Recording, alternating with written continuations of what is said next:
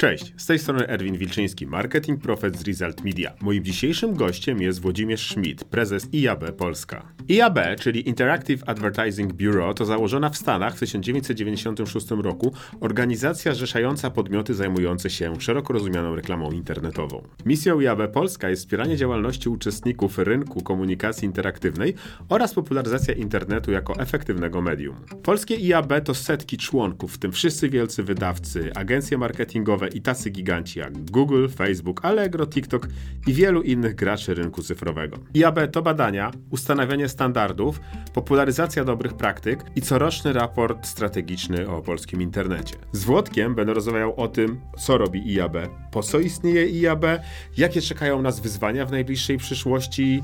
Porozmawiamy także e, o takich dużych rzeczach jak Digital Services Act i Digital Markets Act, o influencerach i wielu innych zagadnieniach dotyczących reklamy internetowej, bo to jedna z najlepszych osób w Polsce, żeby o tym porozmawiać. Jedziemy. Cześć Włodku, cieszę Cześć, się, że się dobry. zgodziłeś na spotkanie. I zacznijmy może tak trochę z grubej rury, ale może i filozoficznie. Dlaczego w ogóle istnieje JAP? No, to jest dobre pytanie, bo to się też trochę e, z czasem zmienia, dlatego że IAP, kiedy powstawał w ogóle na świecie, to było gdzieś już prawie 25 lat temu, on powstawał właściwie po to, żeby internet był promowany jako dobre miejsce do reklamowania, czyli nie tylko do rozrywki, nie tylko do umieszczania różnych treści, do szukania różnych rzeczy, ale również do tego, żeby budować biznesy w oparciu o model reklamowy, czyli biznesy, które no, znamy też z innych obszarów, biznesy, które funkcjonują zarabiając pieniądze, y, emitując reklamy. I w internecie to na początku nie było takie oczywiste, natomiast pieniądze oczywiście było potrzebne, tak jak w każdym medium, żeby to medium się mogło rozwijać. No bo to jednak z, z jakichś środków, z jakich pieniędzy powstaje. E, I ten model reklamowy był na początku najbardziej oczywistym, najprostszym modelem, ale był bardzo nieznany w, świecie reklamodawców, w świecie agencji. W związku z tym IAP powstał głównie po to, żeby po pierwsze promować, po drugie, żeby też edukować rynek, żeby edukować różne grupy na tym rynku i pokazywać, że można w ogóle wykorzystywać, ale też w jaki sposób można wykorzystywać internet jako medium reklamowe, jako medium komunikacyjne, medium wydawnicze. E, No i na końcu, żeby zacząć budować też standardy. Dlatego, że na każde medium y, tutaj pewne standardy, pewne rozwiązania były potrzebne i, i od tego był IA. Potem oczywiście to się zaczęło zmieniać, no bo w momencie, kiedy jako medium reklamowe internet bardzo urósł i zaczął się robić jednym z dominujących mediów, w tej chwili już jest zdecydowanie nie tylko numerem jeden, ale ponad połowa właśnie wszystkich wydatków na świecie reklamowych y, jest wydawanych właśnie w internecie, czy na komunikację w internecie.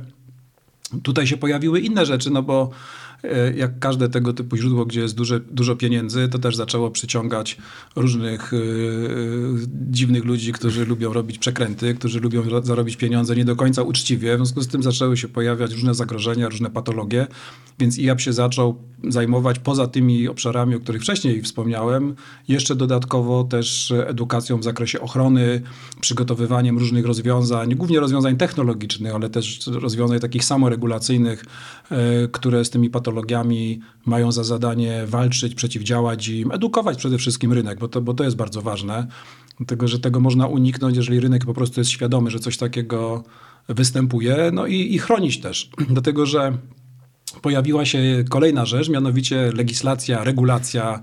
No bo tak to zwykle jest, że jak coś się robi duże i ludzie zaczynają bardzo mocno korzystać, no to legislatorzy, regulatorzy, rządy różnych państw y, zaczynają myśleć o tym, w jaki sposób to lepiej uregulować, jak chronić właśnie przed różnymi negatywnymi zjawiskami, przede wszystkim e, użytkowników. E, I rolą organizacji w tym momencie jest również praca, współpraca z tymi legislatorami, regulatorami, po to, żeby te rozwiązania prawne, które powstają, były nie tylko dobre dla użytkowników, ale żeby były również dobre z- od strony biznesu, od strony firm, które w tym internecie działają, zarabiają pieniądze i w oparciu głównie o ten model reklamowy funkcjonują. Także to w dużym skrócie są takie zagadnienia, którymi my jako IAB nie tylko w Polsce, ale na świecie w ogóle się zajmujemy, dlatego że jesteśmy częścią takiej, można powiedzieć, rodziny IAB-ów, bo w każdym kraju IAB jest zupełnie niezależny, niezawisły i samodzielny. Natomiast na większości rynków funkcjonuje właśnie pod tą samą nazwą, pod IAB. E, I, I razem współpracujemy, działamy, tak troszkę pod takim parasolem, powiedzmy, że takim można powiedzieć, że nieoficjalnym przywództwem najstarszego i największego IAB-u, czyli IAB-u amerykańskiego, dlatego że jednak no, z oceanu przychodzi najwięcej nowych standardów, nowych rozwiązań, różnych dobrych praktyk. W związku z tym rzeczywiście ten IAB amerykański ma bardzo duże znaczenie. Potem IAB europejski, który mamy w Brukseli, który założyliśmy jako IAB europejskie właśnie po to, żeby interesy podmiotów, które funkcjonują na rynku europejskim lepiej chronić, bo IAB w Europie, IAB Europe zajmuje się głównie kwestiami właśnie tymi regulacyjnymi, legislacyjnymi, współpracą z komisją, Europejską, z Parlamentem. To są takie podstawowe e, zagadnienia, ale też budowa różnego rodzaju standardów, budowa różnych takich e, ram, zarówno technologicznych, jak i ram prawnych, do tego, żeby biznes w Europie mógł lepiej funkcjonować w ramach tego prawa, które jest ciągle narzucane i gdzieś tam z różnych stron ta śruba jest dokręcana cały czas. No chociażby dobrze nam znany dobrze nam znane RODO, które jednak no, wpłynęło bardzo mocno na to, w jaki sposób e, biznesy internetowe w Europie funkcjonują. Nie tylko internetowe, no bo wiadomo, że RODO dotknęło wszystkich, no ale najbardziej to się urodziło właśnie tam, czyli taki, taki pierwszy zamysł, który się pojawił w Brukseli był taki, żeby właśnie trochę doregulować to, co się dzieje w internecie. No zaraz będziemy mieli większe trzęsienie ziemi, przejdziemy do tego później, ale na horyzoncie jest DSA i DMA i myślę, że RODO będziemy z rozrzewnieniem wspominać jako jakąś niewielką zmianę chyba w porównaniu do tego, co nastąpi. Kto należy w ogóle do polskiego jabu? Z nazwy mam wymieniać, bo to do, trochę długo potrwa. To dobra, gigantów. 200, 200, prawie 50 firm. 250 firm, no ale chodzi o to, że, że nie są to, że są to i mniejsze firmy, no ale że są to także giganci rynku. Ktoś, kto te standardy chce robić, chce ich przestrzegać, no i tutaj są, są najwięksi gracze możliwi chyba. No tak, bo mamy w Polsce akurat w IABie mamy właściwie i te największe globalne firmy, jak i największe polskie firmy, ale też firmy średnie i firmy zupełnie małe. IAB to nie jest jakaś elitarna organizacja, przynajmniej nie elitarna w, w tym sensie, że tylko dla dużych albo tylko dla nie wiem, globalnych albo tylko dla jakichś największych polskich. To jest organizacja, która jest otwarta dla każdego i dla różnych segmentów rynków. Dlatego, że my mamy u siebie zarówno największe platformy globalne i polskie, mamy wydawców, prawie wszystkich właściwie, którzy funkcjonują on, online na rynku polskim, mamy agencje, mamy całą masę różnych agencji mediowych też, właściwie wszystkie, które na polskim rynku istnieją i funkcjonują. I mamy bardzo dużo też y, samych reklamodawców, czyli właściwie cały ten taki łańcuch wartości, który działa w reklamie, u nas jest, dlatego że oni wszyscy tutaj działają. Oni wszyscy mają jakieś oczekiwania, wymagania, oni wszyscy potrzebują też edukacji, oni wszyscy potrzebują, żeby ze sobą współpracować. I też to, co jest dosyć istotne, mi się wydaje, w takim charakterze, w jakim funkcjonuje IAP w Polsce, nie, nie, nie tylko w Polsce, ale to jest coś, co ja zauważyłem, no, odróżnia nas od niektórych organizacji na innych rynkach, u, u, nas nie ma konkurencji, znaczy u nas nie ma walki, u nas nie ma walczenia ze sobą czy konkurowania wewnątrz IAP-u. Czyli u nas, jeżeli firmy przychodzą, to przychodzą po to, żeby ze sobą współpracować, po to, żeby tworzyć wspólnie coś, co jest dobre dla całej branży, a nie po to, żeby konkurować. Jak wychodzą od nas, to za drzwiami zaczynają oczywiście już konkurować ze sobą, ale u nas nie. U nas dbamy o to, żeby budować takie rzeczy, które są z korzyścią rzeczywiście dla wszystkich, którzy funkcjonują. I to jest pewnie jeden z powodów sukcesu Jabu Polskiego, bo tu na pewno wypada się pochwalić. Jesteśmy jednym z największych jabłów na świecie i w Europie. Dlatego, że i to jest w ogóle ewenementem, no bo w Europie, powiedzmy wschodniej, tak, my siebie lubimy nazywać Europą centralną, ale powiedzmy, że jednak z tego z takiego byłego bloku wschodniego, my jesteśmy zdecydowanie największym jabem. Znaczy, wielkość jabu polskiego jest taka, że gdyby wszystkie pozostałe jaby w tym bloku zebrać, no to to mniej więcej będzie no, się równało. E, I w Europie to tylko i jab brytyjski, i jab niemiecki, pewnie włoski są no, większe to, od nas. Ale to są my jesteśmy więksi niż Francuzi, my jesteśmy więksi niż Hiszpanie i tak dalej. I to pod każdym względem, tak? bo ja mówię o, o kwestii przychodowej, o kwestii ilości członków, ilości projektów, różnych grup roboczych, które u nas funkcjonują. I to jest rzeczywiście coś, co nas wyróżnia. I to jest zasługą właściwie no, no, prac kierownictwa IAB-u, całego zespołu IAB-u, firm członkowskich przede wszystkim, które u nas są, osób, które z ramienia tych firm członkowskich u nas funkcjonują już od 20 lat. Tak? To, to nie jest coś, co się stało nagle, szybko i ostatnio, tylko to jest rzeczywiście takie zachowanie tej ciągłości i, i nieustanna praca i rozwój. I, I, to jest super, bo to jest zauważalne nie tylko tutaj u nas w Polsce, to jest nawet bardziej zauważalne za, za granicą bo to się rzeczywiście wszyscy za granicą dziwią, jak w Polsce na rynku takim, gdzie no czasami za oceanem nas trochę mylą Poland, Holand, tak nie wszyscy nawet wiedzą, gdzie ta Polska jest, że nagle jest organizacja, która jest większa od organizacji, które funkcjonują nie wiem, na rynkach australijskich czy, czy, czy w Kanadzie, czy gdzieś. I to jest, to jest dla wszystkich ogromne zaskoczenie, a dla nas to jest na pewno no, du duża radość, duża duma, że udało się w Polsce coś takiego stworzyć. Super. Ja się zastanawiam w ogóle, z czego się bierze to, że my tak chętnie pracujemy w grupach roboczych jawu, robimy i zajmujemy się, no bo JAW to także samoregulacja. To w dużej mierze samoregulacja. Czy to nie jest jakiś strach e, z naszych doświadczeń historycznych, że wolimy zrobić coś sami, niż jak ma przyjść ktoś z rządu i za nas to zrobić, ewentualnie, że ktoś inny może zrobić to gorzej, czy nie lepiej się samemu zebrać i szybko zrobić to dobrze? Tak się zastanawiam, skąd może być taka, bo to, wiesz, to, to trochę przeczy naszemu duchowi narodowemu, to co ty mówisz, że spotykamy się, pracujemy, pracujemy razem, wypracowujemy jakieś rozwiązania, godzimy się na nie, no i z nimi jedziemy, czy projekty. No, ja to są, dla mnie to są dziesiątki projektów, z których się korzysta od, od raportów strategicznych przez, przez różnego rodzaju konferencje i to tak, to, to jest jeden z powodów, bo to rzeczywiście czasami jest to tak wspominane, że no wiecie co, to może sami tutaj jakoś się uregulujmy, coś zróbmy, stwórzmy jakiś standard, zanim nam ktoś dokręci śrubę. I to jest jeden z powodów rzeczywiście, ale nie zawsze, bo zdarza się, że nawet nie chodzi o regulację, tylko bardziej chodzi o to, żeby są takie kategorie, tak, takie segmenty rynku, gdzie podmioty przychodzą i one mówią, że chcą same coś zrobić, żeby im się lepiej pracowało, bo chcą wyeliminować z rynku pewnego rodzaju złe zjawiska, tak? czy negatywne zjawiska. Ja nie chcę nawet mówić, że, że patologie, no, ale czasami wręcz nawet jakieś takie patologie rynkowe, które się pojawiają, które są absolutnie marginesem, ale ten margines, on bardzo negatywnie wpływa na wizerunek. Dlatego, że niestety no, media się czasami rozpisują o różnych rzeczach, które się dzieją w internecie. Na szczęście nie tylko o tym, o innych rzeczach też lubią media pisać ale piszą czasami o nas i wyłapują to jakieś zjawisko, zjawisko, które my wiemy, że jest marginalne, ale one przez to, że się o nim pisze, nagle urasta do jakichś rozmiarów, jakby to po prostu wszędzie i wszyscy robili. Takim doskonałym przykładem jest fraud, czyli różnego oszustwa, rodzaju oszustwa reklamowe w internecie. No bo my wiemy, że tam jest no, kwestia cyberbezpieczeństwa, różnego rodzaju innych oszustw, prób, prób wyłudzania pieniędzy yy, w bankowości i tak dalej, ale mówimy tylko i wyłącznie o takich oszustwach reklamowych, y, które miały miejsce. Ja celowo mówię miały miejsce, bo one dzisiaj prawie już nie występują, czy w dużo, dużo mniejszym zakresie. I to było tam, no nie wiem, no, kilka może procent, tak? I mówimy o tym, że, że tak naprawdę boty pisane przez różnych oszustów były robione tylko po to, żeby się podszywać albo pod wydawców, tak? Czy pod jakieś witryny, na których miały być emitowane podobno reklamy, no ale witryna nie istniała, tylko bot udawał ją, że ona jest, albo użytkowników. I ci użytkownicy, którzy nie byli użytkownikami, tylko właśnie botami, programami komputerowymi, symulowali tych użytkowników, wchodzili tam, niby coś klikali i tak dalej. No i to wszystko oczywiście się wiąże w różnych modelach rozliczeniowych z tym, że w jedną lub w drugą stronę płyną pieniądze. I takie zjawiska się pojawiały i rzeczywiście tego gdzieś tam było, natomiast media się rozpisywały trochę na takiej zasadzie, że właściwie no, połowa ruchu w internecie i połowa tych wszystkich kliknięć i tak dalej to są boty, tak? To, to są w ogóle nieuczciwe, w związku z tym połowa pieniędzy w ogóle jest źle wydana.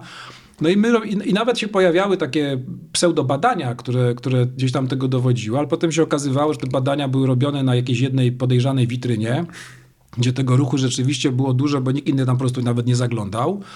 E, a my jak zrobiliśmy badania i rzeczywiście sięgnęliśmy trochę głębiej, no to się okazało, że po pierwsze mówimy w ogóle o jakimś zjawisku, które można liczyć w promilach.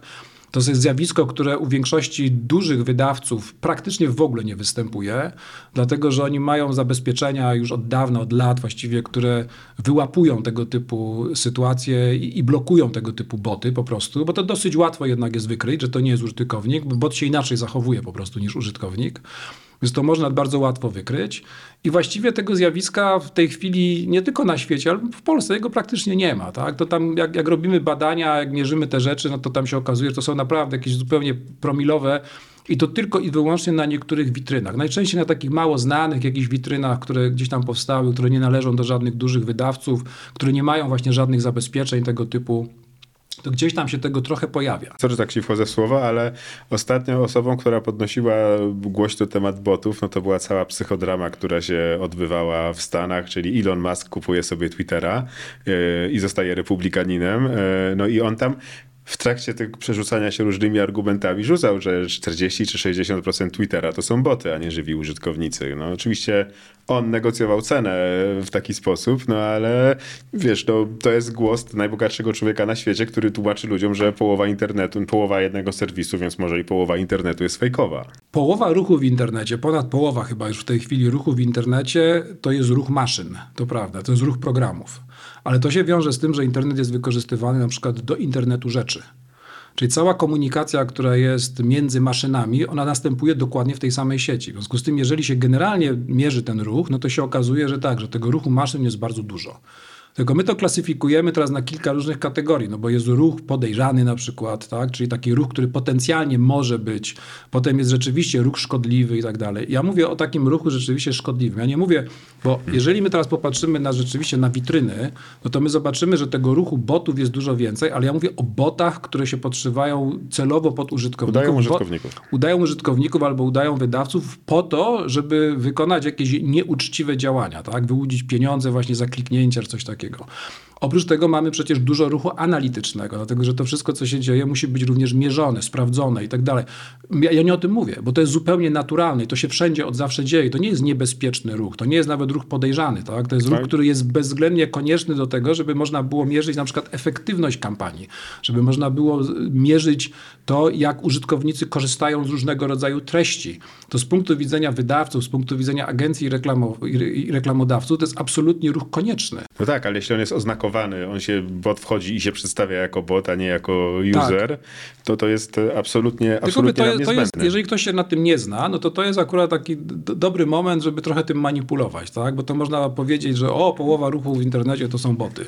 No i teraz jak ktoś tego trochę nie rozumie i nie wie, o co w tym chodzi, jak to jest dalej klasyfikowane, jak to dalej można podzielić, no to tak to może zrozumieć. Ja mówię trochę o tym, że też no, media y, czasami siały taką trochę panikę, więc mówię, my kilkoma takimi tematami się zajęliśmy, nawet stworzyliśmy taki program jakości w Polsce, zresztą na, na wzór, na podobieństwo kilku innych programów, które funkcjonują już na świecie od, od wielu lat. My również w Polsce kilka lat temu stworzyliśmy taki program, który się nazywa Qualit od, od, nazw, od quality oczywiście. I w ramach tego programu, czyli jego głównym takim zadaniem jest edukacja rynku, zachęcanie rynku do tego, i to mówię o różnych podmiotach, przede wszystkim o, o, wydawcach, ale też o agencjach, też o reklamodawcach, żeby po pierwsze rosła ich świadomość, żeby oni lepiej rozumieli te zjawiska i żeby rozumieli rzeczywiście, co się za tymi hasłami różnymi kryje, ale też, żeby rozumiejąc to, stosowali narzędzia, które tym zjawiskom przeciwdziałają.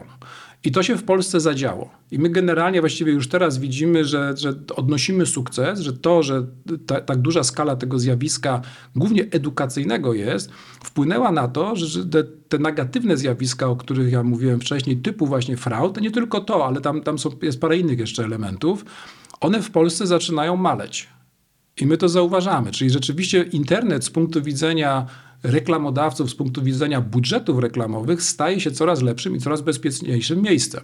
Tak? Czyli coraz bardziej efektywnie i coraz bezpieczniej można te pieniądze wydawać, wiedząc, że te pieniądze nie są gdzieś tam zmarnowane, że nie są wydawane na jakieś pseudokliknięcia botów i tak dalej, tylko rzeczywiście są wydawane bo ktoś tą reklamę widział, bo ktoś ją oglądał, tak? bo ktoś potem wykonał jakieś tam jeszcze działanie. E, I, I nad tym pracujemy od lat, i nad tym cała branża pracuje w Polsce od lat, i tutaj odnosimy rzeczywiście sukcesy, i to działa. Oby, bo wiesz, jak, ja, ja, pamiętam jak e, dawno temu ja, jak ten internet był jeszcze taki malutki, wszyscy się starali, wiesz, i o, mamy 8% tortu reklamowego w Polsce, o, mamy 12% tortu reklamowego w Polsce, teraz mamy 51, 52%. Nie o, wiem. coś koło tego, tak, tak. I wiesz, już ponad połowa kasy idzie przez internet, mhm. no i y, faluje to zaufanie, faluje to zaufanie do różnych serwisów społecznościowych, do różnych miejsc, no ale internet staje się pierwszym miejscem. No tak naprawdę telewizja Y, no dobra, może to niepopularne, ale dobrze, że umiera. Prasa już nie tak dobrze, zależy jaka, ale z drugiej strony czasopisma jakieś specjalistyczne rosną. No a ten internet staje się, stał się pierwszym medium, najważniejszym, no i jednak to, że jest coraz bezpieczniej, coraz lepiej. Ostatnio nawet e, Visa i Mastercard wyłączyły możliwość płacenia za kampanię na Pornhubie. No nie jest to członek Jabu, ale też, też potężna strona. E, jak można podnosić taką jakość? No bo stoisz, stoisz na straży, stoisz na czele organizacji, która stoi na straży. E, taki quality, jak on podnosi jakość reklamy? Tak jakie są, jakie są części składowe. Czyli po pierwsze udowodnić analityka, że klika człowiek, a nie, a nie bot z Allegro. To też są rozwiązania technologiczne. Przede wszystkim to jest w ogóle budowa świadomości, tak? czyli edukacja. Czyli tak naprawdę to, żeby wszystkie osoby, które w reklamie pracują, nazwijmy to, niezależnie od, to, od tego, czy po stronie wydawniczej, czy po stronie agencyjnej, czy, czy, czy reklamodawcy, żeby przede wszystkim rozumiały te zjawiska. Żeby wiedziały, czym jest brand safety i w jaki sposób można, można dbać o to, żeby moje reklamy, reklamy moich brandów, moich produktów czy usług się pojawiały rzeczywiście w takim otoczeniu, w jakim bym chciał, żeby się pojawiały, które jest bezpieczne z punktu widzenia wizerunku mojej marki. I to jest pierwsza rzecz. I zrozumienie tego, że są do tego narzędzia, że można kampanię w ten sposób zaprojektować i zaplanować, i można ją następnie tak realizować, żeby wykorzystać te narzędzia i żeby te reklamy się rzeczywiście pojawiały tylko tam, gdzie my chcemy. I to bez wielkiego uszczerbku też dla wyników tej kampanii. Tak? Bo tego czasami się też reklamodawcy boją, że jak włączą te filtry, no to automatycznie też zasięgi im spadną i tak dalej. Owszem, trochę, ale generalnie można to tak zrobić, żeby to się nie odbyło z jakimś bardzo dużym, bardzo dużą szkodą dla zasięgu. Oczywiście jest potem pytanie już do samego reklamodawcy, na czym mu bardziej zależy, czy zależy mu na budowie zasięgów za wszelką cenę, czy bardziej zależy mu też, albo czy pewien, pewna równowaga musi być zachowana pomiędzy tym, a tym, jak budujemy wizerunek danej marki, tak? jak wizerunek chcemy rzeczywiście dane marki utrzymać i czy są jakieś jakieś towarzystwo, w którym nasza reklama nie powinna się pojawiać że tak to nazwę. To jest jedna rzecz. Druga rzecz to jest właśnie przeciwdziałanie tym wszystkim fraudom. Trzecia rzecz to jest kwestia widzialności reklam, czyli znowu, żeby rzeczywiście tak tą kampanię zrobić i, i żeby ją wyświetlać u tych wydawców, którzy dbają o to albo mają takie rozwiązania, a dzisiaj to praktycznie wszyscy już to mają.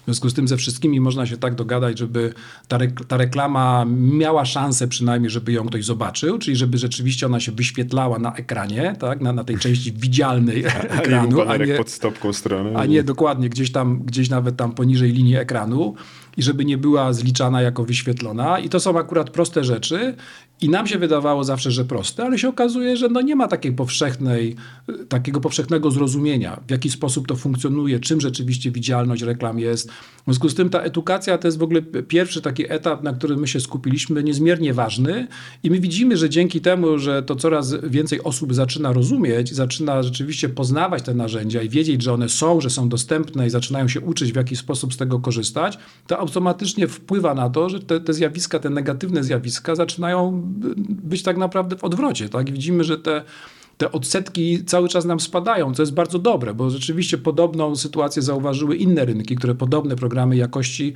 wprowadziły przed nami. Jak taki qualit wygląda? Na jakim, na jakim etapie on się dzieje? Czy trzeba być uczestnikiem? Czy dostaje się jakiegoś badża? Jak, e, jak znaleźć reklamę, która spełnia te standardy? No to już same podmioty, które uczestniczą się tym chwalą, że są. My też się tym chwalimy, że ktoś przystąpił. My tam są cztery w tej chwili takie obszary, yy, na które my chcieliśmy zwrócić w pierwszej kolejności uwagę. Ja nie mówię, że one są jedyne, ale są takie powiedzmy najważniejsze bo też jakby za dużo tych obszarów było, no to pewnie mogłoby to gdzieś tam zacząć ginąć. Na tych obszarach się skupiamy, no bo też sami reklamodawcy nam powiedzieli, że to są te, te cztery obszary, które z ich perspektywy są priorytetem. One są najważniejsze, w związku z tym my tam, tak jak mówię, zaczęliśmy edukować cały rynek. E, a druga rzecz, no to zaczęliśmy też w bardzo prosty sposób pokazywać, że żeby do programu przystąpić, do któregoś z tych trzech obszarów, no to trzeba jakiś warunek spełnić. I te warunki zwykle, one nie są zbyt skomplikowane, nie są bardzo trudne rzeczywiście bo z punktu widzenia wydawców na przykład bardzo często wystarczy mieć w ogóle takie narzędzie, tak? czyli dawać reklamodawcom możliwość posługiwania się takim narzędziem, narzędziem chociażby na przykład jak, jak Brand Safety. I to samo z punktu widzenia agencji, które realizują kampanie. W związku z tym te wymagania są w miarę proste i dlatego dużo firm do tego programu przystępuje, bo w większości i tak to już spełniają. Dzisiaj jest tak, że zwłaszcza po stronie agencyjnej, po stronie wydawniczej, właściwie prawie wszystkie firmy już te wymagania, które są y, po stronie Qualida, one już spełniają. W związku z tym program sam dał im możliwość, żeby jeszcze bardziej się tym pochwalić, żeby pokazać na rynku, że my mamy takie narzędzia, my spełniamy te standardy, które są wymagane przez Qualida, w związku z tym przystępujemy do tego programu. Co dla nas jest też dobre, łatwiejsze z punktu widzenia e, zachęcania klientów, żeby korzystali właśnie z naszych usług, a nie z usług naszej konkurencji. I to jest główne narzędzie, a nam jako branży szeroko pojętej daje możliwość, żeby rzeczywiście budować inną narrację wokół tego, żeby mówić o tym, że internet jest coraz bezpieczniejszym miejscem, jest miejscem, gdzie można budować coraz lepsze, coraz efektywniejsze kampanie, coraz bezpieczniejsze z punktu widzenia różnych rzeczy, niezależnie jak się na to spojrzy. I to jest tak naprawdę główny cel, tak? żeby rzeczywiście w ramach tych, tych głównych celów, jednego z tych głównych celów IAB-u, jakimi są edukacja i promocja internetu, mimo tego, że internet już jest liderem od jakiegoś czasu, już ponad 50%, tak jak wspomniałeś, wydatków reklamowych jest w internecie, to jednak my cały czas pro, pro, promujemy.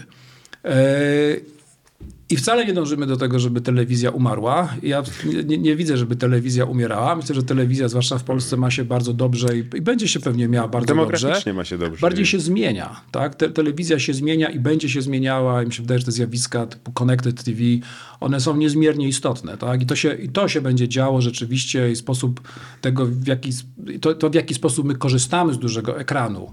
To będzie się zmieniało i ewoluowało. Natomiast nie sądzę, żeby telewizja umarła, bo telewizja daje jednak dużo bardzo fajnej rozrywki, jest dużo ludzi, którzy lubią oglądać i myślę, że pozostaną i będą oglądali. Pewnie tak, aczkolwiek w jakichś modelach to już yy, internet wchłonie telewizję, a nie na odwrót, plus, temu, plus standardy pewnego rodzaju internetowe trafią już też do telewizji. No to jest ja myślę, że przedstawiciele telewizji by nas tutaj teraz chcieli... Chwilowo zajmują się po, czymś innym od wczoraj.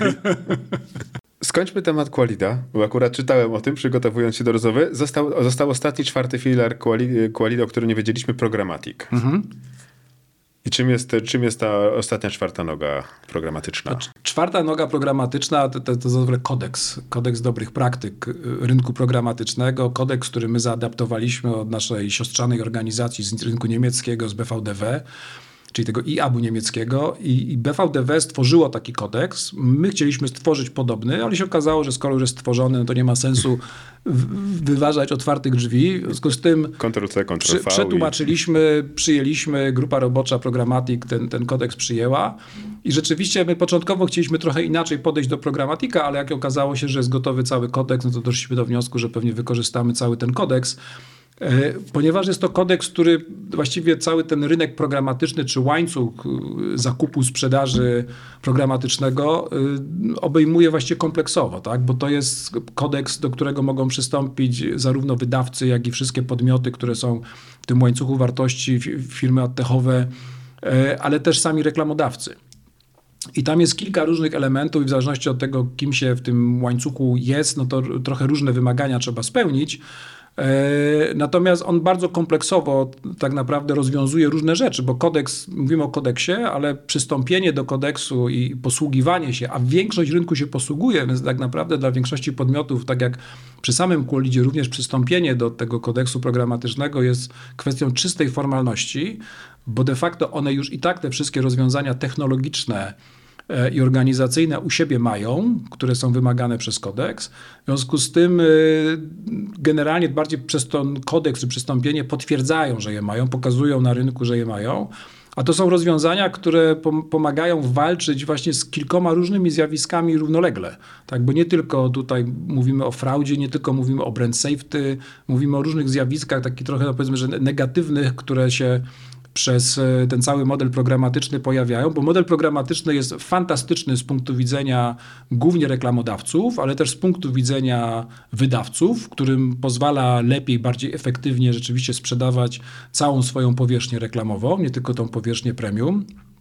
Tam są różne modele, ale powiedzmy nie będę wchodził, no bo to nie jest szkolenie z, z, z reklamy programatycznej. Tego, ale, ale, mnie najbardziej interesuje, jakie tam były patologie, wiesz, mięso ale, jakieś. Ale generalnie to nawet nie chodzi o patologię, tylko o to, że rzeczywiście jest to, jest to model i technologie, które są, czy mogą być wykorzystywane do bardzo niecnych celów. Też. I tu bardziej chodziło o to, żeby do tego nie dopuszczać, tak? żeby rzeczywiście zablokować dostęp do ekosystemu, no bo docelowo my sobie wyobrażamy rynek w ten sposób, że wszystkie podmioty, które funkcjonują na tym rynku będą sygnatariuszami kodeksu. I o to chodziło de facto. Dlatego, że jeżeli wszystkie podmioty przystąpią, to podmioty, które nie spełniają tych warunków, bo nie chcą ich spełnić, czyli rzeczywiście chcą wykorzystywać model programatyczny do, do niecnych celów, że tak to nazwę, one automatycznie wypadną z tego obiegu, tak? No bo znaczy, nie będzie się pariasami po prostu. No tak, bo nikt z nimi nie będzie chciał współpracować, tak? No bo docelowy model my sobie wyobrażaliśmy w ten sposób i tak wyobrażamy, że właściwie wszystkie podmioty na rynku programatycznym powinny być sygnatariuszami. Jeżeli nie są sygnatariuszami, to znaczy, że nie chcą być po prostu tymi sygnatariuszami, w związku z tym pewnie mają coś do ukrycia. Jak mają coś do ukrycia, no to lepiej z nimi nie współpracować, bo nie wiadomo, co one chcą ukryć. Czy ja miał kiedykolwiek pomysł, albo czasami miewa zakusy, żeby zbudować sobie Radę Etyki Reklamy Internetowej. Czy może ma jakąś. Ale my mamy przecież Radę Etyki Reklamy. Znaczy, nie, nie, nazywa się Radą, bo to jest e, Związek Stowarzyszeń Rada Reklamy, czyli ładnie nazywany ZSRR. Jest to organizacja, która została założona i w ramach tej organizacji, mhm. jest to organizacja, która została założona po to, żeby prowadzić czy zarządzać pracami Komisji Etyki Reklamy i żeby można było w niej, nazwijmy to, zakotwiczyć kodeks etyki reklamy. I tu nie mówimy o reklamie internetowej, tylko w ogóle o reklamie. I to jest organizacja, która na polskim rynku funkcjonuje już od bardzo, bardzo wielu lat, kilkunastu na pewno. Ja w tej chwili nie pamiętam dokładnie, kiedy powstała, ale bardzo dawno temu. Początkowo organizacja głównie się zajmowała reklamą tradycyjną, natomiast wiem, że dzisiaj większość spraw, które są zgłaszane i które są rozpatrywane przez Komisję Etyki Reklamy, to są sprawy dotyczące reklamy online'owej, różnych rodzajów reklamy online'owej, reklamy internetowej. E, jest to organizacja, którą tworzą podmioty właściwie z całego rynku, bo to są zarówno organizacje, jak i bezpośrednio firmy, które wchodzą w skład Rady Reklamy. E, I tu są organizacje reprezentujące rynek wydawniczy, rynek agencyjny i, i, rynek reklamodawców. I podobnie jest po stronie tych członków, którzy są bezpośrednio biznesami, które przystąpiły do, do Rady Reklamy. E, I de facto wszystkie kwestie związane z reklamą, a które nie są prawnie w żaden sposób uregulowane, bo o tym mówimy de facto, tak? No bo jeżeli prawnie jest jakiś aspekt uregulowany, no to on nie musi być rozpatrywany, nawet nie powinien być rozpatrywany przez Komisję Etyki Reklamy, nie, bo od, od tego są regulatorzy, od tego są sądy powszechne, jeżeli ktoś nie przestrzega tutaj obowiązującego prawa, no ale jest wiele zagadnień, które nie są uregulowane przez prawo, tylko są, jest, jest właśnie nieuregulowanych albo uregulowanych właśnie bardziej etycznie w ramach kodeksu etyki reklamy, to, to, to są właśnie te rzeczy, którymi y, Komisja Etyki Reklamy się zajmuje i tego typu skargi rozpatruje. I IAB jest członkiem od, od, od zawsze, prawie że Rady Reklamy. Rada Reklama ma swoich arbitrów, arbitrów też o, o, zupełnie różnym przygotowaniu, jeżeli chodzi o ich takie doświadczenie zawodowe, którzy robili różne rzeczy, dla różnych stron rynku pracowali. E, I, te składy, które, które rozpatrują te skargi, one się w takim właśnie trochę mieszanym zawsze składzie, żeby z różnych perspektyw rynkowych na to spojrzeć, zbierają i rozpatrują te skargi. I tam jest dużo właśnie, mówię, to początkowo tego pamiętam x lat temu, tego było bardzo niewiele. To, to był jakiś tam niewielki bardzo procent tych skarg na reklamę internetową. Dzisiaj jest tego dużo więcej. Tam są skargi na, na, na działania influencerów, też się pojawiają na, na, na, na różnego rodzaju takie działania, ich reklamowe. To jest jeszcze osobny, ciekawy temat pewnie tam na jakąś rozmowę może kiedyś. E, I także my nie widzimy potrzeby, żeby IA powoływał coś takiego, bo to ciało, istnieje. Tak, bo to ciało istnieje. My jesteśmy bardzo aktywnym członkiem tej organizacji, właściwie od zawsze. Zasiadamy we władzach i, i mamy swoich arbitrów i tak dalej, więc i tu, to jest fantastyczne, fantastyczna platforma w ogóle do współpracy całej branży właściwie reklamowej i, i, i to od strony wydawniczej, agencyjnej i, i reklamodawców, e, a tym całym aspekcie etyki reklamy. Przejdźmy, przejdźmy powoli do, do edukacji, do przemian rynku. E, Boże, może przemian rynku. Jak, jak twoim zdaniem internet, jak pandemia wpłynęła na internet? była pandemia, teraz jest wojna, e, jest bardzo wiele zjawisk.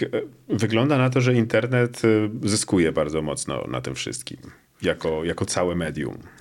No, korzystanie z, na pewno z usług online bardzo się zwiększyło i to, to jest jak gdyby no, oczywistość już taka, którą, którą już wszyscy wiemy, bo to już nie jeden artykuł na ten temat napisano i nie jedno badanie się pojawiło, jeżeli o to chodzi, to, to wiemy, że zakupy w internecie, korzystanie z różnych, z różnych bardzo usług, które są dostępne online, co było w sumie naturalne zupełnie, no bo ludzie siedząc w domu, nie mogąc z tego domu wyjść i, i załatwiać swoich spraw normalnie, zaczęli je załatwiać po prostu online, tak? I tam mówię różnych sprawach, tam zakupach, oglądaniu różnych treści, filmów i tak dalej, i tak dalej.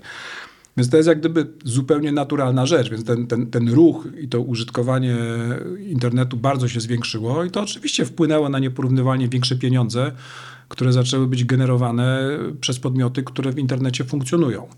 W związku z tym my wiemy, że to jest, y, aczkolwiek to jest zjawisko, które się działo. Tak? To nie jest tak, że to, to, to jest jakieś zjawisko, które nagle się poprzez pandemię pojawiło. Pandemia spowodowała zupełnie coś innego, że my wykonaliśmy skok. I to widzimy również pod kątem samych wydatków, na przykład na reklamę internetową, czyli to, co normalnie, te, te wzrosty, które normalnie by nam zajęły 5 lat, zostały wykonane w ciągu roku. To są tego typu głównie zmiany, tak? czy, czy wydatki na zakupy online. Czyli to by i tak nastąpiło, tylko by następowało dużo wolniej i byłoby dużo bardziej rozłożone w czasie. To, co ja widzę z punktu widzenia marketera internetowego, jest to, że pandemia bardzo nam zwiększyła. Przed pandemią penetracja ludzi 20, 30, 40 plus w internecie była bardzo dobra i niewiele było do poprawy. Pandemia spowodowała nam to, że starsi ludzie zaczęli być najszybciej rosnącą grupą nowych internautów, bo nie mogli wychodzić z domu, bo wiele spraw życia codziennego zostało na siłę przeniesionych do internetu z ich perspektywy, musieli się dostosować. Czy JAP e, robi jakieś edukuje w jakiś sposób tych ludzi i ewentualnie czy szykuje wydawców na, na obsługę Silver Surferów? IAB nie jest organizacją, która powstała po to, żeby edukować samych internautów. Znaczy, cele statutowe organizacji raczej są takie, żeby pracować w imieniu biznesu dla biznesu internetowego, natomiast nie dla samych internautów. W związku z tym to nie jest jakiś taki nasz główny cel. Natomiast tutaj nastąpiła rzeczywiście inna rzecz, dlatego że od lat w Polsce trwała dyskusja, w jaki sposób pomóc ludziom wykluczonym cyfrowo. To się tak nazywało, tak? czyli właśnie głównie osobom starszym, osobom, które albo nie miały dostępu do internetu, albo nie potrafiły z tego internetu korzystać. A tutaj pandemia wykonała tą pracę za nas wszystkich. No bo tak naprawdę postawiła te osoby trochę w takiej sytuacji, że nie mieli innego wyjścia. Tak? Albo mogli nie mieć czegoś w ogóle dostępu, albo musieli ten dostęp sobie zrobić i zacząć korzystać z jakiejś usługi, czy robić jakieś zakupy online. I sobie dali radę. W związku z tym to też ogromne brawa, bo to, to ogromny sukces tych ludzi. Przez tak. lata się różne rządy w Polsce się martwiły i zastanawiały, w jaki sposób to zrobić, jak tych ludzi wyedukować. Powstawały różne programy i były wydawane pieniądze. A tutaj pandemia załatwiła tą sprawę, nikogo nie pytając o zdanie. Tak jak powiedziałeś, to przyspieszyło wiele procesów nam, niektóre o 5 lat, niektóre o 10 lat. Na pewno nie szło to płynnie. Wracając do edukacji, wywołałeś już raz temat influencerów. I to jest temat bardzo gorący, bo influencerzy głównie kojarzymy ich z drugą grupą taką podatną na wpływy, czyli z bardzo młodymi ludźmi, na których ci influencerzy mają olbrzymi wpływ. No i siłą rzeczy y, organizacje biznesowe, różne firmy chciałyby pracować z tymi influencerami. Jest to potężna gałąź marketingu od kilku lat i, i co robi JAP e, w tym zakresie? No i ja przede wszystkim e, pomaga, no bo to jest też rolą IAB-u, tak? żeby, żeby my to nazywamy pewnego rodzaju ochrona, no ale też pomoc w momencie, jeżeli się pojawiają jakieś problemy rynkowe w którymś segmencie. I tutaj się pojawiły rzeczywiście problemy. Problemy wynikające z tego, że jest to segment ogromny, bardzo rozproszony, no bo my szacujemy, że, że różnych influencerów e, w Polsce funkcjonuje kilkadziesiąt tysięcy nawet, tak, mniejszych, większych i tak dalej. My zwykle znamy i słyszymy o tych takich no, największych, najbardziej popularnych, ale jest bardzo dużo te, te, tego typu osób y, i takich no, mikrobiznesów właśnie, mikroprzedsiębiorstw, które funkcjonują, a czasami nawet nie przedsiębiorstw, tak? bo to jest taka po prostu działalność robiona tam po godzinach, ba bardziej hobbystyczna. Y, I teraz co się okazuje, że no, ten rynek nie mając świadomości za bardzo, zaczął robić różne rzeczy, które no, nie do końca się okazało, że są zgodne z prawem. I tym się zaczęły też, zaczęli interesować polscy regulatorzy. Już doskonale wiemy, że zarówno UOKiK, jak i Krajowa Rada Radiofonii i Telewizji zaczęli się temu rynkowi przyglądać. I w związku z tym ten rynek trochę nas poprosił, czy, czy podmioty, które na tym rynku funkcjonują, współpracują, podmioty agencyjne zwróciły się też do nas, żeby trochę w imieniu tego rynku zacząć pracować i, i, i przyjrzeć się temu zjawisku, wystąpić jakby w, w ich imieniu e, jako taki podmiot, który trochę no, ma być buforem pomiędzy nimi a regulatorem, żeby pomóc e, z jednej strony ich ochronić, ale też żeby Y, zobaczyć, jak wspólnie można coś wypracować, czyli na, na, na tej linii regulator, podmioty i, i, te różne agencje, które są pomiędzy. I ta współpraca jest i rzeczywiście tutaj od, od wielu miesięcy bardzo blisko my, ale nie tylko my, no bo tu, tutaj również jest Rada Reklamy, już wspomniana wcześniej, czy SAR, gdzie współpracujemy z, z i, i, na bazie tej współpracy UOKikowi udało się chyba już przygotować, bo jeszcze nie do końca wiemy kiedy, ale spodziewamy się, że już e, niebawem, prawie że lada dzień pewnie, prezes UOKiK-u opublikuje swoje wytyczne w tym zakresie. Wytyczne, które będą dosyć jasno pokazywały temu rynkowi influencerskiemu nie tyle co, ale raczej jak. Dlatego, że prawo jest dosyć jasne tutaj, tak? Czyli, że przekazy handlowe, treści reklamowe i tak dalej, one muszą być oznakowywane. Czy konsument nie, nie może mieć wątpliwości, czy to jest reklama, czy to nie jest reklama. Znaczy, tak? Czy kary, to jest... już, kary nawet już wielkie się zaczęły, także UOKiK zaczął karać. No te kary chyba z tego, co kojarzę, one nie, nie do końca są za to bardziej za to, że podmioty y, nie wykazały chęci współpracy chyba z UOKikiem. Na prawo też jest dosyć jasne, no jeżeli regulator o pewne kwestie pyta, no to należy mu po prostu odpowiedzieć. E, I chyba o to głównie tam w tej pierwszej kolejności poszło. Kary? Ale natomiast, to... natomiast, ale to mówię, to pewnie najlepiej, żeby się sam urząd w tej, w tej kwestii wypowiedział, jasne. bo ja no, znam tyle, co z mediów. nie, chcę no się dobra, tutaj wypowiadać. Więcej, natomiast rzeczywiście będą. ta współpraca, ta współpraca ona, ona no mówię, była bardzo fajna i, i, bardzo ciekawa. My się bardzo dużo też przy okazji dowiedzieliśmy i, i nauczyliśmy na pewno.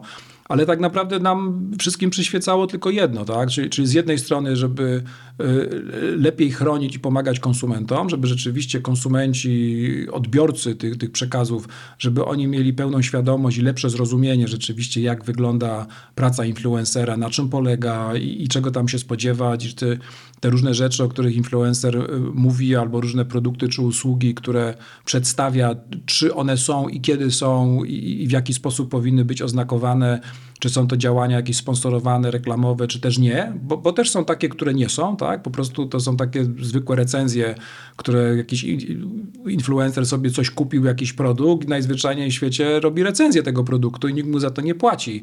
I to nie ma nic wspólnego w tym momencie z żadną reklamą i to też trzeba jak gdyby zrozumieć. Yy, natomiast czasami jest tak, że rzeczywiście no, on pracuje Yy, jako w ramach jakiejś realizacji jakiejś kampanii rzeczywiście pobiera jakieś tam świadczenia w jakiejś formie i w związku z tym jest to działalność stricte reklamowa, działalność sponsorowana i, i internauta, który to ogląda, on musi mieć tego świadomość, bo takie jest prawo, tak? I tego nie wymyślił UOKiK, no bo to parlament takie prawo w Polsce stworzył, nasz Sejm takie prawo stworzył.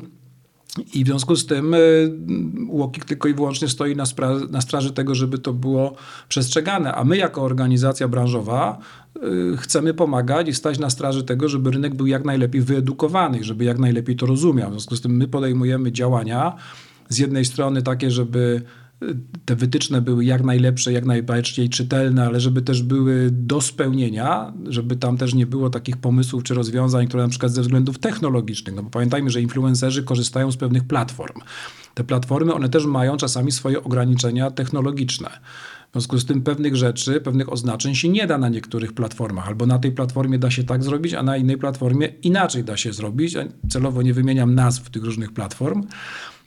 Ja, mogę I, powiedzieć i my, I my staramy się dbać o to, żeby rzeczywiście tego typu wytyczne i takie materiały, które powstają, żeby one na przykład te rzeczy też brały pod uwagę, tak? Żeby rzeczywiście to, to, to było realizowalne i jak najprostsze z punktu widzenia influencera, jak najłatwiejsze ale żeby jednak dawały takie możliwości, żeby ten influencer mógł działać zgodnie z obowiązującym prawem.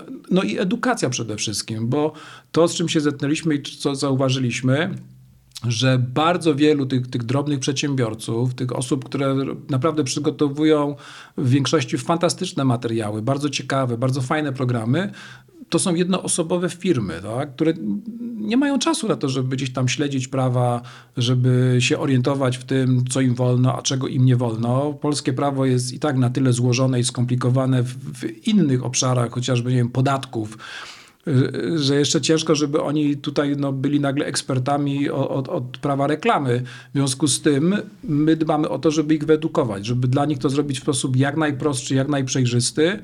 E, I, I, na tym się głównie skupiamy, tak? czyli na tej właśnie edukacji i, i temu też służy serwis e, online'owy specjalny, dedykowany, który stworzyliśmy wspólnie z grupą podmiotów i z innymi organizacjami, pod patronatem zresztą prezesa UOKiK-u. E, I, I, to nam najbardziej leży na sercu, żeby ten rynek wyedukować, tak? bo zauważyliśmy jedną rzecz, że naprawdę gro, zdecydowana większość tych wszystkich przypadków, które się pojawiają, gdzie influencerzy nie, nie przestrzegają obowiązującego prawa, wcale nie wynika ze złej woli, tylko po prostu z niewiedzy, z niezrozumienia tego. Tam, gdzie mamy do czynienia z, ze złą wolą, to jest naprawdę jakiś absolutny margines znowu. Tak? Bardzo niewiele jest takich przypadków, gdzie ktoś próbuje być super cwany, gdzieś tam przechyczyć obowiązujące prawo. My nie o tym mówimy, tak? Tym się jako organizacja nie zajmujemy. To już jest kwestia rozmowy pomiędzy regulatorem a tą osobą czy tą firmą, która próbuje prawo ominąć. My staramy się rzeczywiście pomagać jak najbardziej wszystkim tym, którzy chcą działać zgodnie z prawem, chcą prowadzić uczciwy biznes i dokładnie to robią, a po prostu brakuje im wiedzy, brakuje im edukacji. My się staramy w jak najprostszy sposób jak najłatwiejszy do zrozumienia tą wiedzę i tą edukację im przekazać. Jasne i to jest super i to jest dokładnie to, co mówiliśmy na początku, co powiedziałeś na początku, że wystarczy jeden taki przykład czy dwa przykłady pato-influencerów i wszyscy influencerzy są źli, a mówimy o dwóch przypadkach, a tak jak powiedziałeś jest kilkadziesiąt tysięcy influencerów, mikro, mikroinfluencerów i nie można ich wszystkich przekreślać, także no ja się zawsze boję, że jak UOKiK coś widać, no ale jak się nazywa ta platforma, która jest y, współtworzona przez was podmioty i jeszcze z patronatem UOKiK-u? influencermarketing.org.pl Okej, okay. i to jest już oficjalne, prawilne. Tak, już działa od paru miesięcy. Czyli Serwis je... cały czas oczywiście rozbudowywany, uzupełniany o nowe treści, ale de facto każdy, kto chce prowadzić działalność taką influencerską i ma jakiekolwiek wątpliwości, jak to zrobić, to nie tylko w kwestiach tych prawnych, mhm. ale również w tych kwestiach współpracy z reklamodawcą, w kwestiach współpracy z e, agencją czy z agencjami, e, w kwestiach podpisywania umów, co w umowach się powinno zawrzeć, a co nie. To jest generalnie taka no, strona poradnikowa. Tak? W związku z tym, jak ktoś ma jakiekolwiek wątpliwości, to to jest bardzo dobre miejsce, gdzie właściwie można wszystkiego od A do Z praktycznie się nauczyć. Raport, raport Jabu. To jest jedna z, z, najważniejszych eventów w roku marketerskim. No to, to jest jedna z kilku rzeczy, na które się czeka jak na gwiazdkę. Jakie są Twoim zdaniem najważniejsze w tym roku trendy, zaobserwowane rzeczy? Co, co pokazał nam tegoroczny raport i na co się najbardziej patrzeć? No tam jest parę różnych rzeczy. To, to, to się, w raporcie strategicznym IAB nie ma jakiejś jednej rzeczy, która jest istotna. Najczęściej jest To, to jest pa, kilka, które się łączy znaczy, w, w ogóle, w ogóle jedna rzecz jest taka, że wzrost, tak? czyli wzrosty wydatków w ubiegłym roku, które miały miejsce w porównaniu z, z rokiem jeszcze wcześniejszym, ogromne, dwucyfrowe, coś czego już no, w poprzednich latach nie spotykaliśmy. Czyli to, to, to, o czym ja mówiłem wcześniej, czyli to takie zjawisko przyspieszenia, tak? nagłego przyspieszenia, czyli już wydawało się, czy tak właściwie już te, te wzrosty zaczęły trochę wyhamowywać, one ciągle były, a tutaj nagle się pojawiła dynamika, której nie widzieliśmy od wielu lat. I to jest pewnie coś takiego, co się nie utrzyma. Ja podejrzewam, że aż tak dużej dynamiki w kolejnych latach nie będzie. Tu oczywiście kwestie ogólnogospodarcze na to się nakładają, no ale wiadomo, że to przyspieszenie gdzieś tam ono jest i potem już jest trochę mniejsze. I to jest jak gdyby pierwsza rzecz. Druga rzecz, no to jest oczywiście też kwestia coraz większych wydatków e, na reklamę programatyczną, w modelu pro programatycznym. Polski rynek jest tak trochę do tyłu, jeżeli chodzi o rynki Europy Zachodniej czy o rynki amerykańskie, rynek amerykański. E, i tutaj doganiamy. I tutaj rzeczywiście mamy cały czas coraz większe, coraz większe wydatki. Reklama wideo również, bardzo duże wzrosty, jeżeli chodzi o reklamę wideo. I to jest coś też, czego niestety my na razie jeszcze nie mierzymy, aczkolwiek mocno pracujemy nad tym. To, to jest kwestia reklamy audio. E, dlatego, że my w naszym badaniu ADEX, czyli, czyli wydatków e, na reklamę online, do tej pory nie mieliśmy i jeszcze nie mamy kategorii audio, ale pracujemy nad tym, żeby ją jak najszybciej dodać.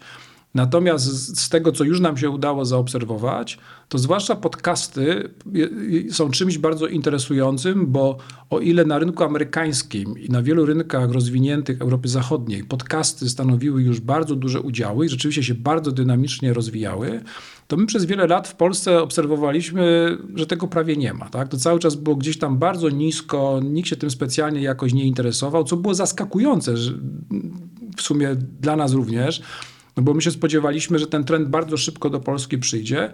On długo nie przychodził, ale wygląda na to, że teraz już jest. Także rzeczywiście teraz te, te wydatki na reklamę audio zaczynają się i, i generalnie słuchalność podcastów zaczyna nagle dynamicznie bardzo mocno rosnąć.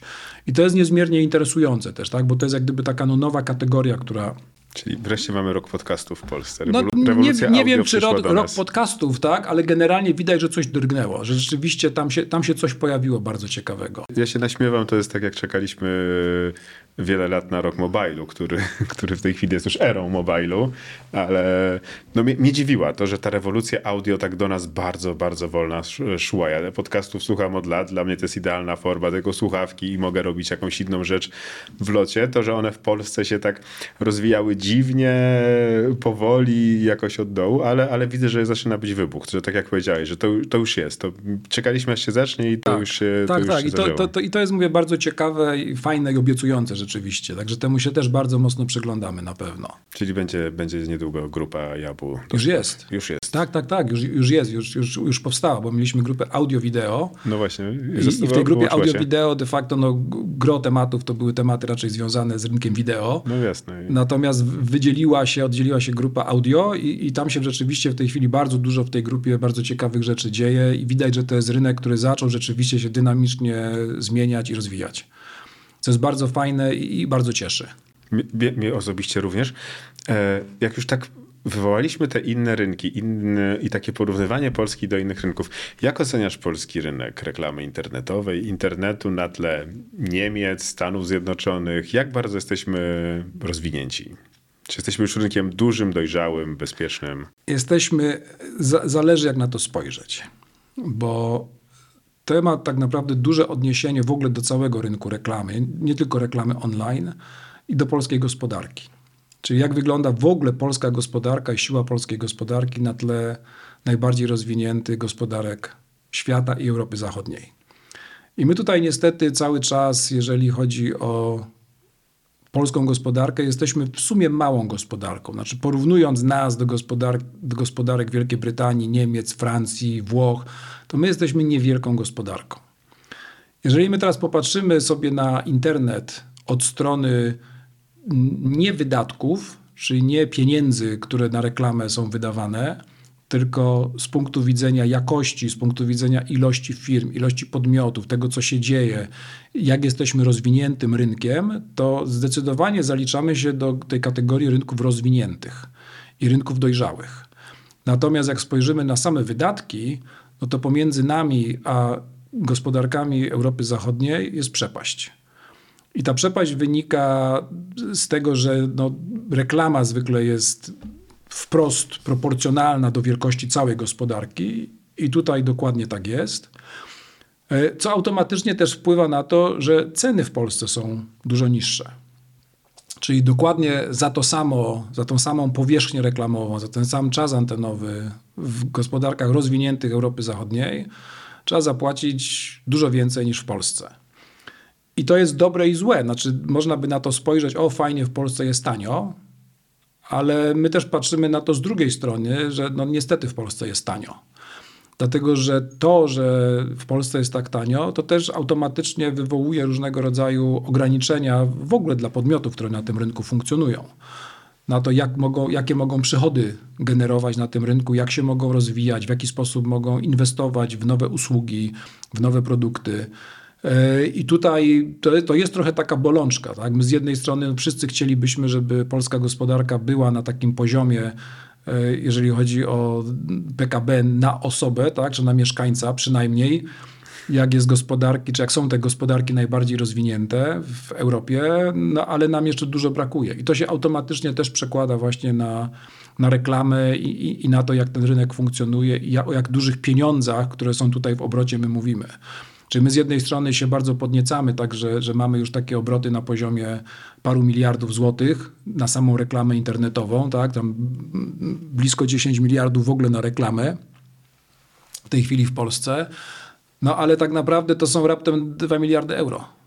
No tak. W związku z tym, tak w duży, Patrzymy tak na dużym nie? granicę i to jest się robi No więc jak, mało. dokładnie, więc jak spojrzymy na te rynki rzeczywiście za zachodnią granicę, to, to 2 miliardy to, to, to, to, to jest drobiazg. No. To, jest, to, to jest z ich perspektywy bardzo mało pieniędzy. Nie? I tutaj niestety to jest coś takiego, z czym sobie jeszcze nie poradziliśmy i, i mamy nadzieję, że wraz z rozwojem i wzrostem polskiej gospodarki i, i to nastąpi.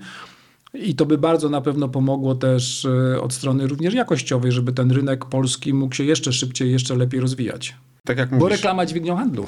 Tak, więc tylko jeszcze musi być siła nabywcza po drugiej stronie. Tutaj, e, tutaj ostatnia, ostatnia, sytu- ostatnia sytuacja gospodarczo-geopolityczna nam to, nam to troszeczkę demoluje, no ale, no ale zobaczymy. No internet, inaczej, nawet jeśli będzie, internet nie odczuje tego tak jak inne, inne branże, bo internet po prostu zwolni swoją dynamikę, ale nie zacznie się kurczyć. Przynajmniej w najbliższych latach jeszcze nie widzę na to przestrzeni.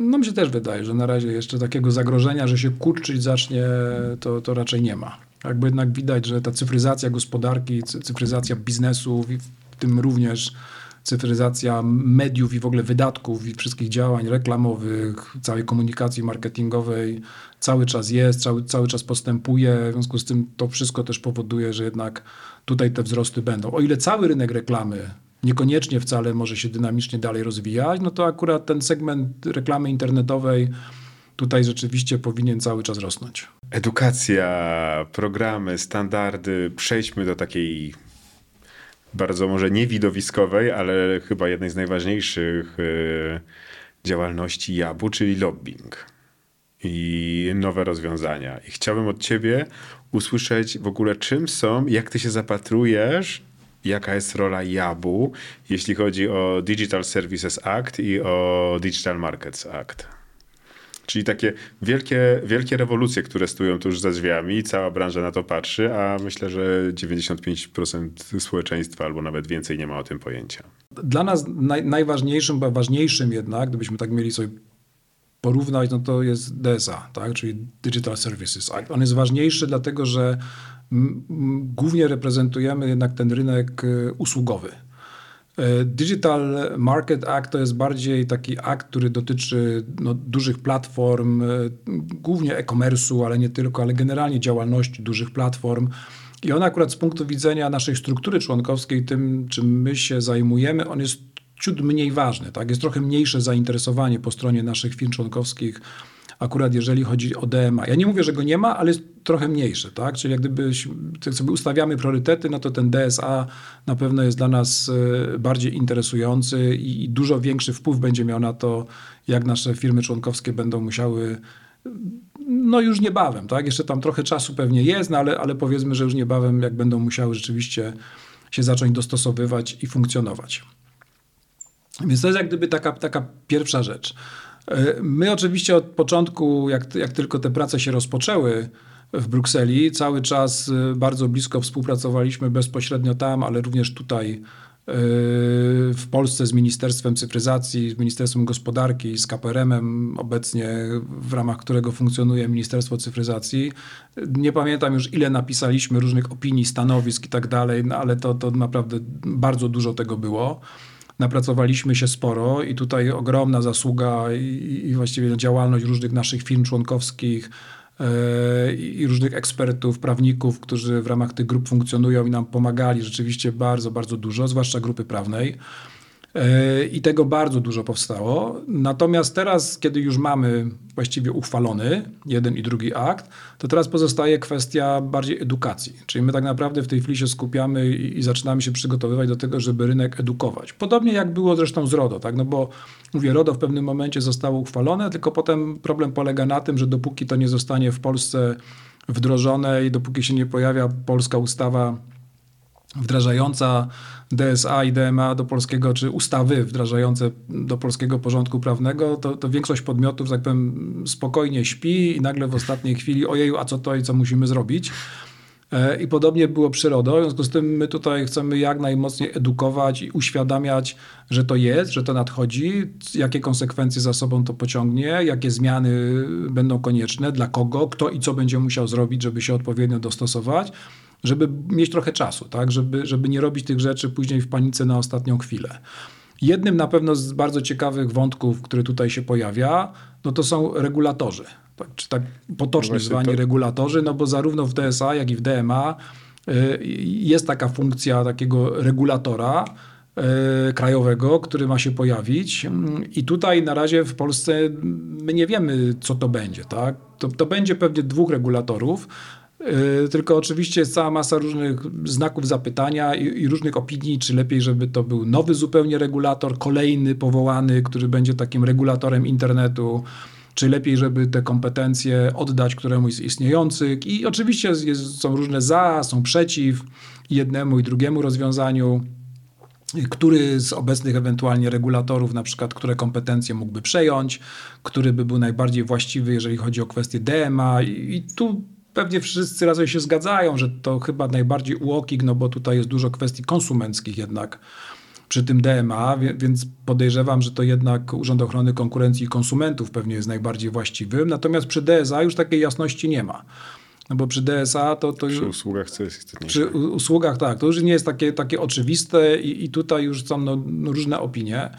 My zresztą w tym temacie zorganizowaliśmy, czy, czy współorganizowaliśmy razem z wydawnictwem CHB e, konferencję, która się odbędzie za moment, 8 e, września, gdzie będziemy dokładnie o tym rozmawiali. Tam zaprosiliśmy szereg gości, ekspertów, e, którzy będą na ten temat rozmawiali, przedstawiali w ogóle, czym ten regulator ma się zajmować, jaka ma być jego rola, i tam będziemy się wspólnie zastanawiali, tak naprawdę wobec tego, jak ten regulator powinien funkcjonować, gdzie najlepiej, żeby się znalazł, czy, czy właśnie był jako nowy, powołany zupełnie tylko do tych celów organ, czy, czy być może należy te kompetencje w jakimś już istniejącym organie umieścić i tak dalej. No mówię, no tu, tu jest dużo ciągle pytań, natomiast jedna rzecz, która już nawet w takich wewnętrznych dyskusjach tutaj na pierwszy plan się wysuwa, to na pewno to, że trzeba na ten temat rozmawiać. To znaczy, to, to jest na tyle ważna zmiana i na tyle ważny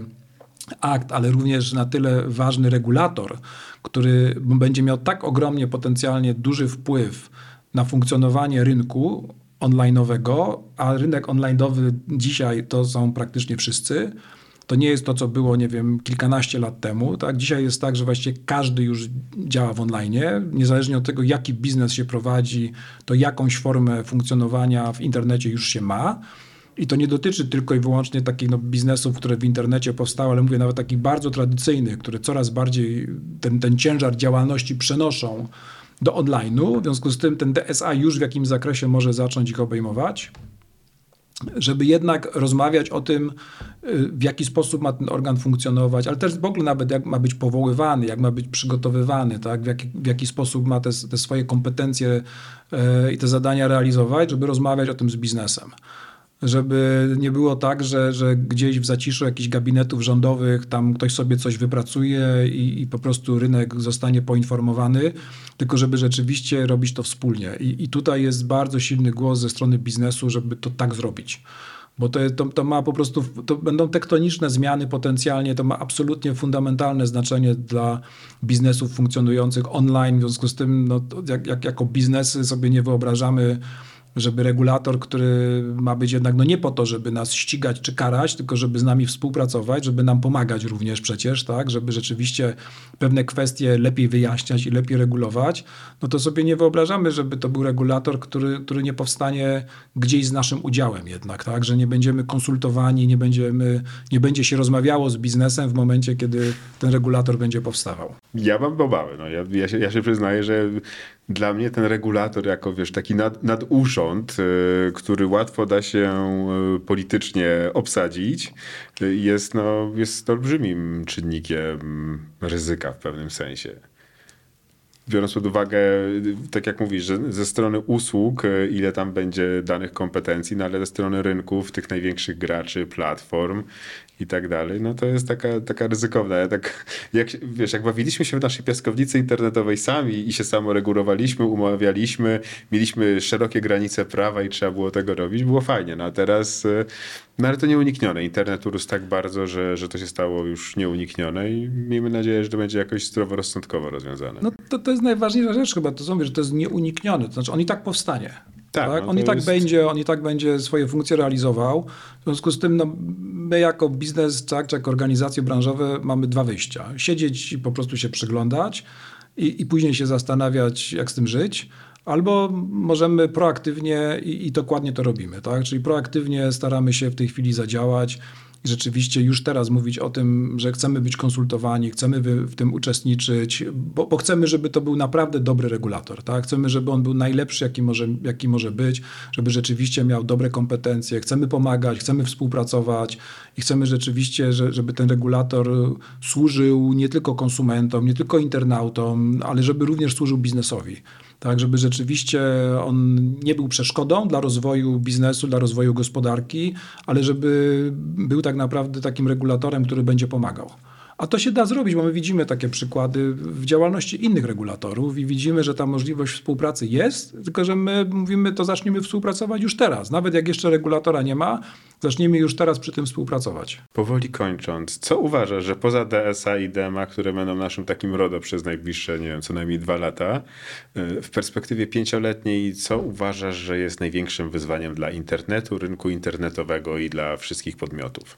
Gdzie ty czy IAB kieruje swój wzrok poza DSA, DMA?